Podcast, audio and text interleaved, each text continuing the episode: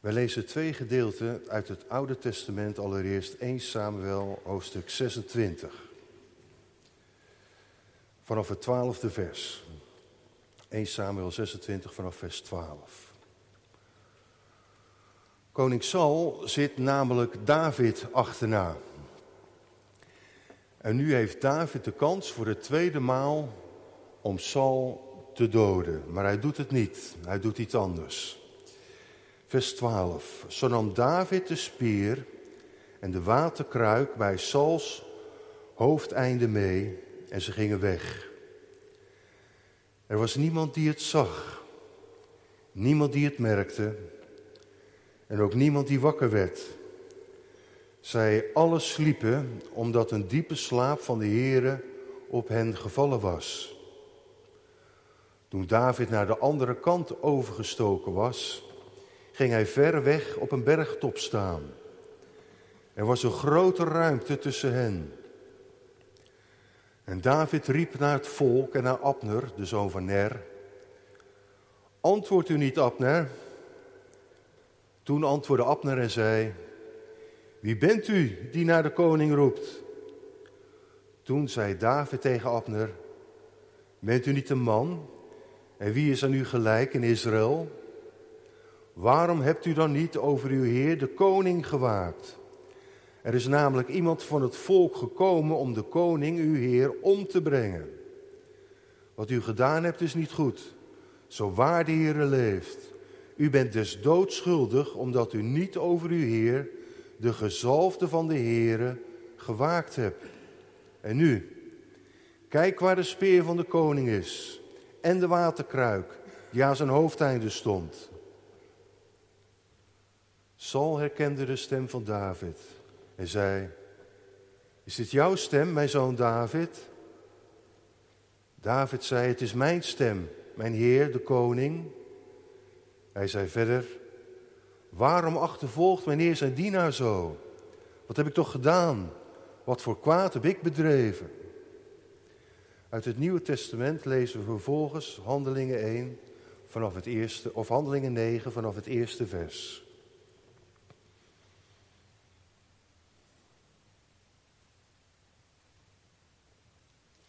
Saulus nu, die tegen de discipelen van de Heer nog steeds brieste van dreiging en moord, ging naar de hoge priester toe en vroeg van hem brieven voor Damascus, gericht aan de synagogen, opdat, als hij er enige zou vinden die van die weg waren, zowel mannen als vrouwen, hij die geboeid naar Jeruzalem zou brengen. En terwijl hij onderweg was, gebeurde het dat hij dicht bij Damascus kwam. En plotseling omscheen hem een licht vanuit de hemel. En toen hij op de grond gevallen was, hoorde hij een stem die tegen hem zei: Saul, Saul, waarom vervolgt u mij? En hij zei: Wie bent u, heren? En de Heere zei: Ik ben Jezus, die u vervolgt. Het is hard voor u met de hielen tegen de prikkels te slaan. En hij zei, bevend en verbaasd, Heere, wat wilt u dat ik doen zal? En de Heere zei tegen hem, sta op en ga de stad in. En daar zal u gezegd worden wat u moet doen. En de mannen die met hem meereisden stonden sprakeloos, want ze hoorden wel de stem, maar zagen niemand. En Saulus stond op van de grond en toen hij zijn ogen opendeed, zag hij niemand. En ze leidden hem bij de hand en brachten hem naar Damascus. En gedurende drie dagen kon hij niet zien en at en dronk hij niet. Zalig die het woord van God hoort en het bewaart in zijn of haar hart. Gemeente van onze Heer Jezus Christus. De hoge priester zal hem met een gevoel van trots nagekeken hebben. Wie? Nou, Saulus, dat wordt me er eentje, zal hij gedacht hebben. Jong, talentvol, ijverig, serieus, wetsgetrouw, wat de rechtvaardigheid betreft die in de wet is, onberispelijk. Misschien denkt hij, waren ze allemaal maar zo. Had ik daar maar een synagoge vol van, van zulke mannen die ervoor gaan. Want die Saulus die staat ergens voor, hè. Als iets wit is, dan is het wit.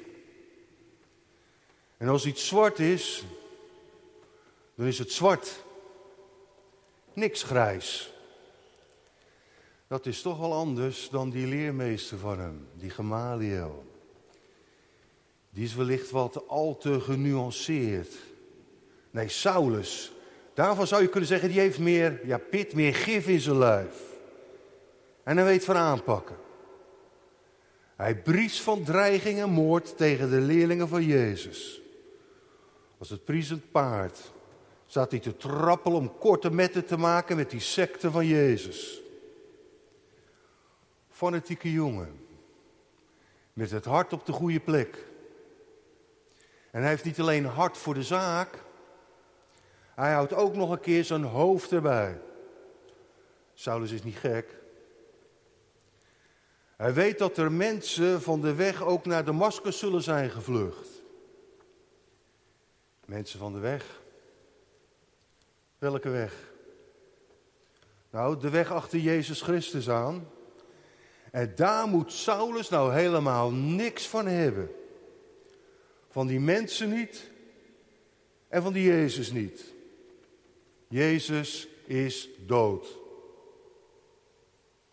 Terecht veroordeeld. De godslasteraar. Wie dacht hij wel dat hij was? Terecht gekruisigd. Dood en begraven. En die kletspraat dat hij leeft, dat moet maar eens afgelopen zijn. Die onzin dat hij de gezalfde van de Heer is, de Messias, kappen daarmee. Want in feite zorgen die Jezus mensen alleen maar voor onrust. Scheurmakers, dat zijn het. Met de nieuwlichterij. En hij, Saulus, zal ermee afrekenen. Toen Stefanus gestenigd werd, lette hij slechts op die jassen. Maar al snel daarna maakte hij promotie en deed hij meer dan bij de garderobe werken.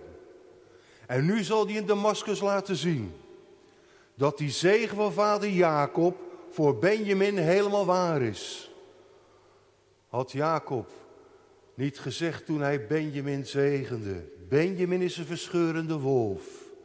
S'morgens verslindt hij zijn prooi, s'avonds deelt hij de buit uit. Was hij immers niet uit de stam van Benjamin? En had hij na Stevenus dood ook niet laten zien hoe hij als een verscheurende wolf tekeer kon gaan? Mannen en vrouwen had hij uit hun huizen gesleept en overgeleverd aan het gerecht. Terecht moeten ze staan. Weg met die ketterij. Dat lijkt iets van vroeger. Maar zoiets gebeurt vandaag de dag nog. Ik weet niet of u wel eens de krantjes leest of de blaadjes van Open Doors of van de Stichting Ondergrondse Kerk en dat soort stichtingen. Maar mensen die de huizen uitgesleept worden en voor het gerecht gebracht worden.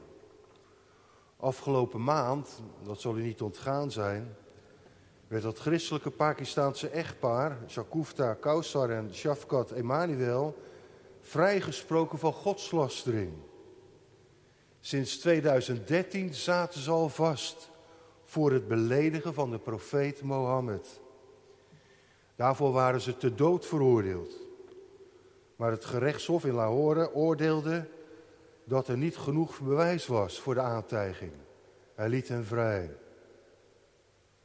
Ik dacht, die aanklacht, beledigen van de profeet, is een aanklacht die christenen in veel islamitische landen sowieso al snel aan hun broek hebben hangen.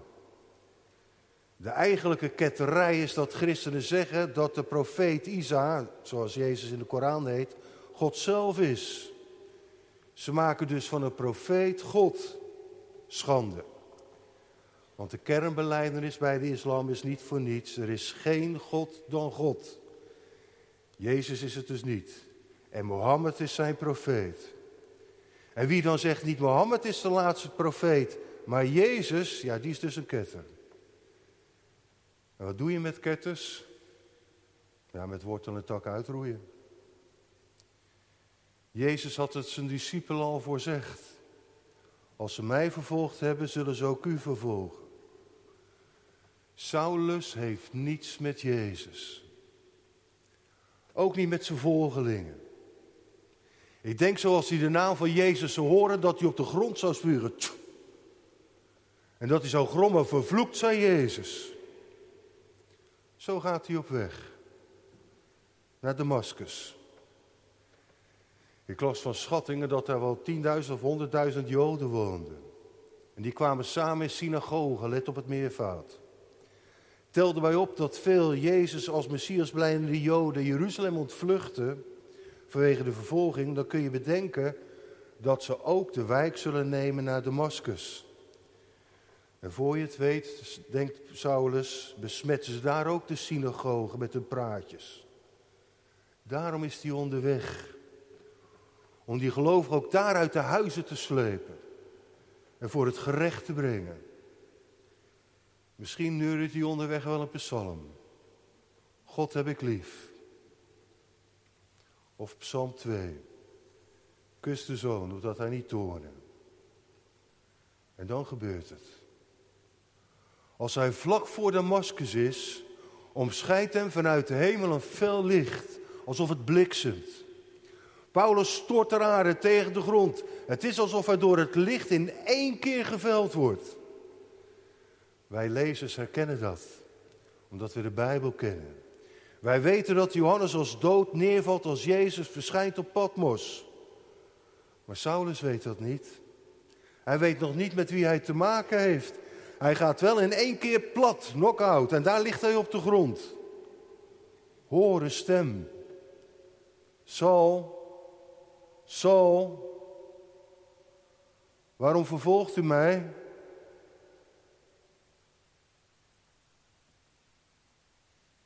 Niet Saulus, Saulus. Ook niet Paulus, Paulus. Maar Saul, Saul. Twee keer wordt zijn naam genoemd. Net als ooit bij Abraham. Abraham, Abraham. En bij Jacob en bij Mozes en later bij Samuel. En nu Saul, Saul. Ik dacht, het kan toch niet anders? Dat de schriftgeleerde als Saulus direct zal denken aan dat andere Bijbelgedeelte dat we lazen. Dat Saulus denkt aan die verre voorvader, ook uit het geslacht van Benjamin. Koning Saul, die verbeten op jacht was naar David. Ik ben koning, dacht Saul. En daarom kan die David het niet worden. Daarom moet die David maar uit de weg geruimd worden. En moet David dood.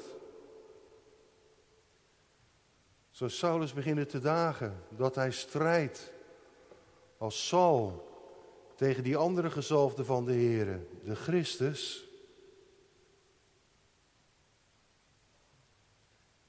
David had een en andermaal de kans om Saul te doden.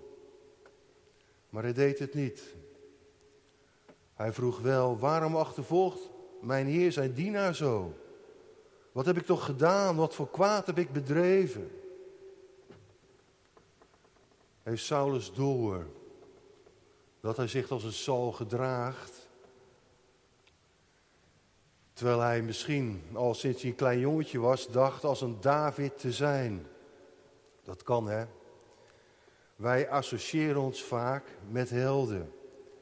Zeker als kind. Als kind had ik het idee, tenminste, dacht ik, als ik in de Tweede Wereldoorlog zou leven, nou, dan zou ik Joden laten onderduiken hoor. En gestrande piloten verstoppen op een eilandje in de Reeuwikse Plassen of zo. Dan zou ik helpen bij het verzet. Ja, ja. In onze gedachten en in onze dromen horen wij altijd bij de goeie. Iedereen wil David zijn. Niemand Goliath.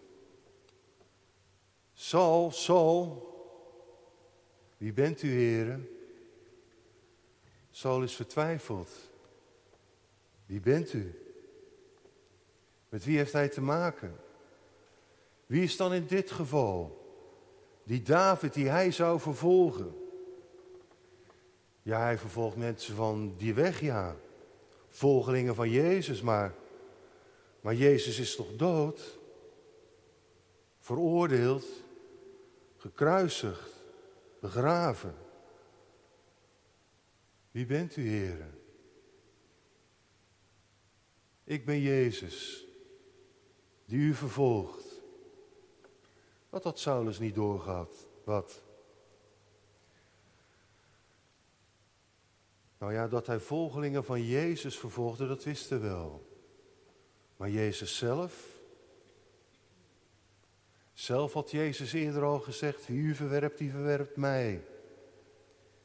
En wie mij verwerpt, die verwerpt hem die mij gezonden heeft. Maar nu krijgt hij te horen dat de verzet tegen de discipelen ten diepste verzet tegen Jezus zelf is. Dat wie aan de leerlingen van Jezus komt, aan Jezus zelf komt. Toen. Maar ook vandaag. Dat lijkt me een geweldige bemoediging voor al die vervolgde christenen nu, wereldwijd. We kunnen er misschien een kleine voorstelling van maken. Iemand kan zeggen, kom je aan mijn kinderen, dan kom je aan mij. Kom niet aan mijn kinderen. Maar bij Jezus gaat het nog verder. We zijn immers één lichaam, met Hem verbonden. Hij in ons, wij in Hem. Hij het hoofd, wij het lichaam. Saulus had niet door, niet alleen tegen Jezus, maar ook tegen God zelf te strijden. En uiteindelijk nou precies te doen waar die Gamaliel nou voor had gewaarschuwd. Toen hij zei, pas nou op. Laat die mensen die het over Jezus hebben, nu maar gaan. Want als dit alles werk van mensen is, dan waait het vanzelf over. Maar als het van God afkomstig is, dan kun je het ook niet afbreken. Dan blijkt uiteindelijk misschien wel dat je tegen God strijdt. Hoe wijs was die raad? Een raad die nog steeds actueel is. En het zou te wensen zijn dat in al die landen waar de kerk vervolgd wordt, zulke Gamaliels rond zouden lopen. Dat er mensen zijn die het op, op de vervolgers te binnen brengen en zeggen: Pas nou op, misschien strijd je wel tegen God. Ondertussen dacht ik ook aan mezelf. En aan ons als gemeente. Zou het mij zou het ons ook niet kunnen overkomen tegen God te strijden.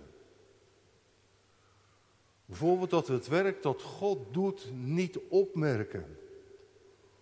Of zelf ook nog tegenstaan. Zou dat nou kunnen?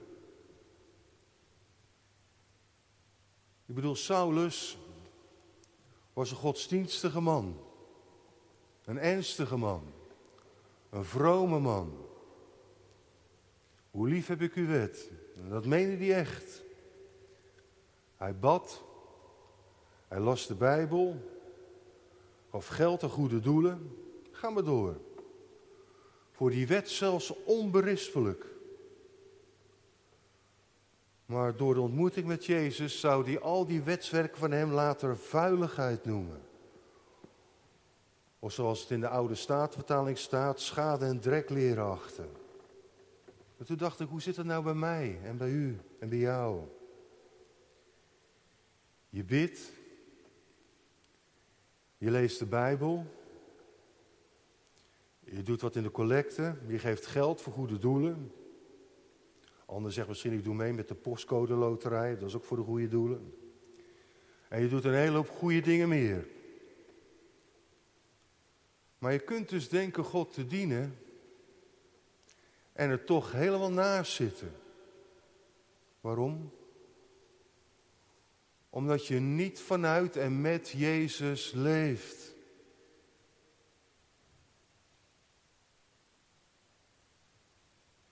Je kunt met de wet in de hand een ander veroordelen, maar niet met Jezus leven. Je kunt degelijk doen of zwaar, heel rechtzinnig in de leer. En toch denken, nou is het avondmaal, laat maar gaan, ik blijf lekker thuis en doe wat anders. En Jezus buitensluiten. Je kunt ook heel happy clappy je benen onder je gat vandaan lopen en meedoen aan allerlei activiteiten. En toch de omgang met Jezus niet beoefenen. En toen dacht ik, zou het bij mij, bij ons kunnen zijn? Dat het werk wat de Heer doet en gedaan heeft, dat we er eigenlijk aan voorbij lopen. Saul, Saul, waarom vervolg je mij? Het mooie is dat Saulus niet verteerd wordt. In dat licht dat verschijnt, in die stem zit toch al vooral genade. Ik bedoel, de verhoogde Jezus had hem ook neer kunnen bliksemen. Maar hij doet dat niet. Hij zal van een vervolger een volgeling maken. Opmerkelijk is dat. Die genade die er telkens weer in zit. Dat God mensen opzoekt. Dat viel me trouwens ook op in de verhalen van de SDOK. Die stonden op de site en staan op de site. In de week was dat van de vervolgde kerk. Allemaal verhalen van vervolgers die volgelingen werden. Omdat Jezus tot hen sprak. Door zijn woord, door zijn geest. Soms ook in een droom in islamitische landen. Opmerkelijk toch, wonderlijk. En dat de Heer ook vandaag niet zegt, en nu zal ik je een lesje leren. Nu is het met je gedaan. Nee, hij openbaart zich. Dat van dat lesje leren.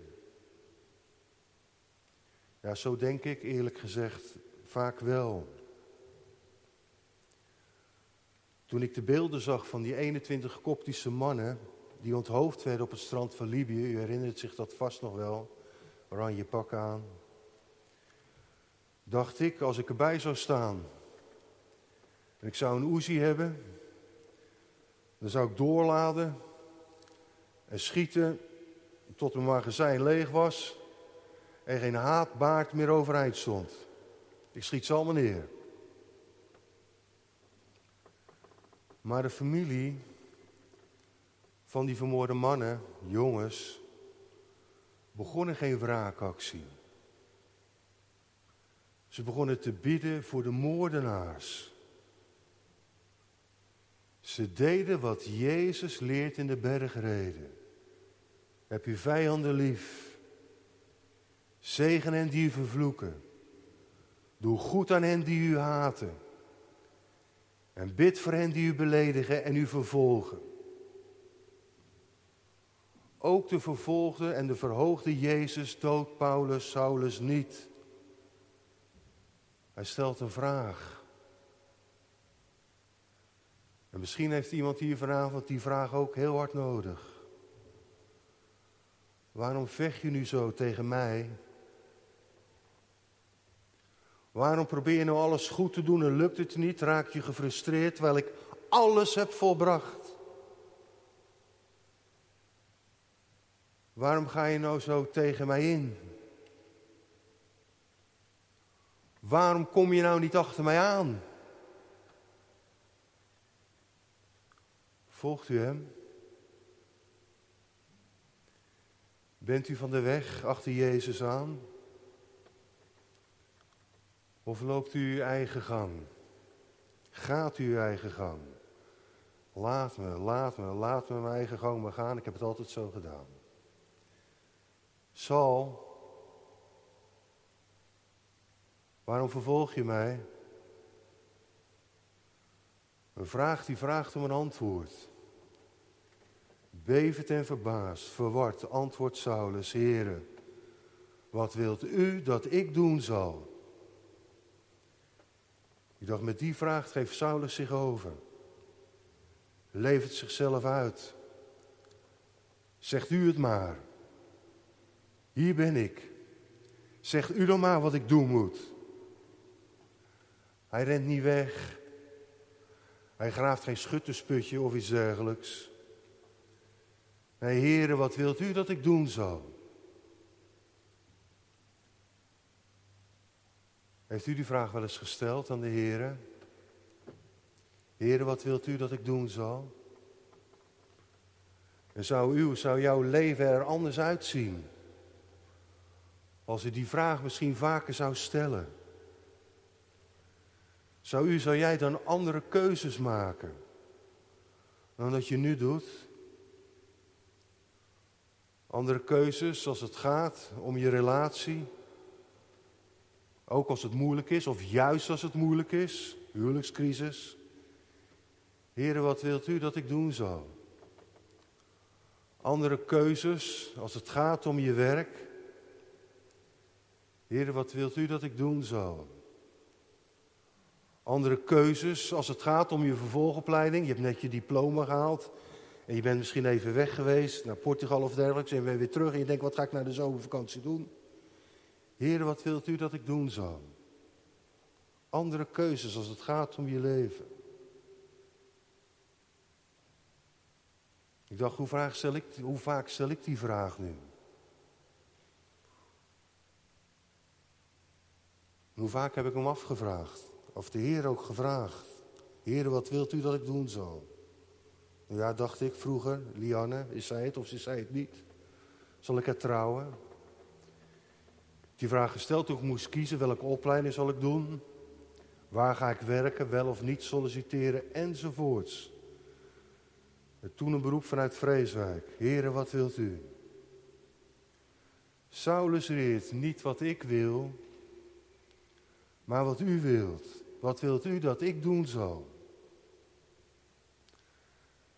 Daarom zijn goede werken ook geen zaken die van eigen akker komen. Ze komen voort uit het geloof in Jezus, de omgang met Hem. Want juist bij Jezus wordt het eerste en het tweede tafel worden bijeengehouden. God liefhebben boven alles en daarnaast als jezelf. En de Heer zei tegen hem, sta op en ga de stad in. En daar zal u gezegd worden wat u moet doen. Wat moet Saulus doen? Opstaan. Niet blijven liggen. Lijkt het doopformulier wel. En wat moet hij doen? Gehoorzamen. Verdere mededelingen zullen volgen in de gemeente van Damascus. Ik vond dat opmerkelijk. Niet een briefje uit de hemel. Doe dit. Ook niet een directe stem uit de hemel. Nou, Saulus, is dit zo en zo. Je gaat straks naar Damascus, daar moet je wachten. Er komt op een gegeven moment iemand langs en dan zal allemaal. Nee. Via een ander gemeentelid, Ananias, zal hij te horen krijgen wat hij moet doen. Dat is toch opmerkelijk? Ik dacht, daarom hebben we elkaar in de gemeente ook zo nodig om de wil van God te verstaan.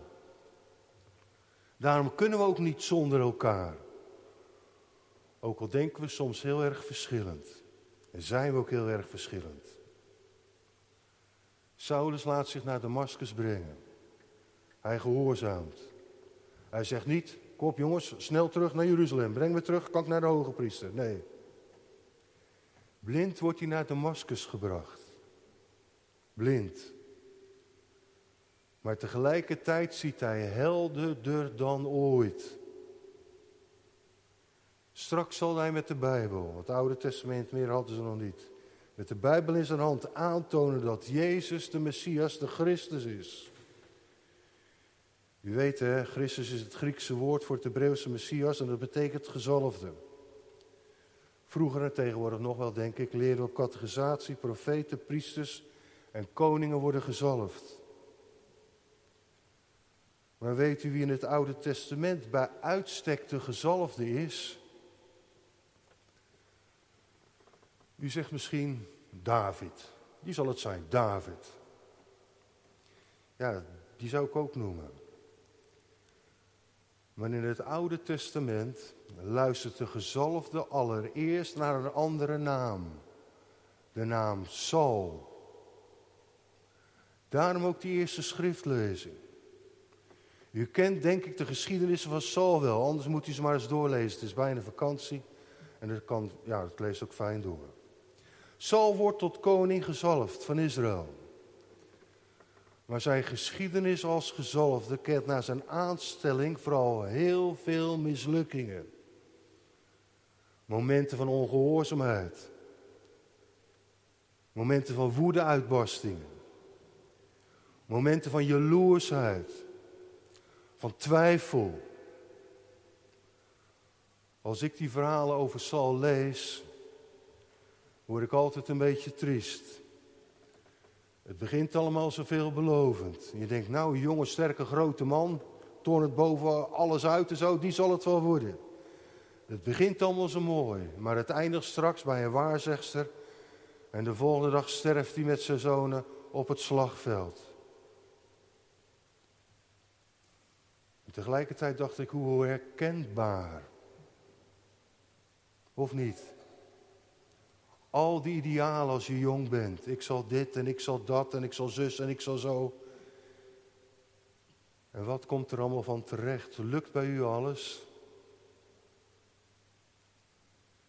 In ieder geval, ondanks zijn falen, ondanks zijn ongehoorzaamheid, ondanks die boze geest, ondanks alles blijft Saul wel de gezalfde van de Here. Juist David, die zo vervolgd is door Saul, blijft Saul de gezalfde van de Heer noemen. Saul, waarom vervolg je mij? En straks zal in Damascus een andere Saul, ook nakomeling van Benjamin, roepen dat de zoon van David Jezus de Messias is. Tegelijkertijd is Jezus veel meer. Hij is de zoon van God en Heer van David zoals hij Heer is van al zijn gezalfden. Deze Christus leeft. Hij heeft het leven van Saul en al die gezalfden uit het Oude Testament op zijn schouders genomen. Jezus, de hoge priester, die zelf het lam is, draagt de zonde van al die gezalfden mee. Een roeping, een falen, maar ook uw roeping uw falen.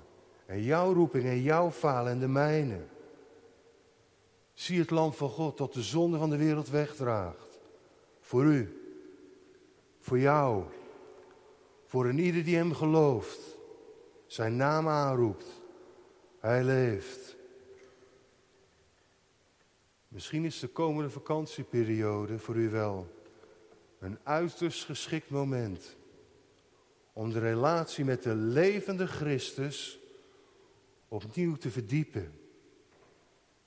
De Bijbel te lezen, te bidden, de omgang met Hem nieuw leven in te blazen.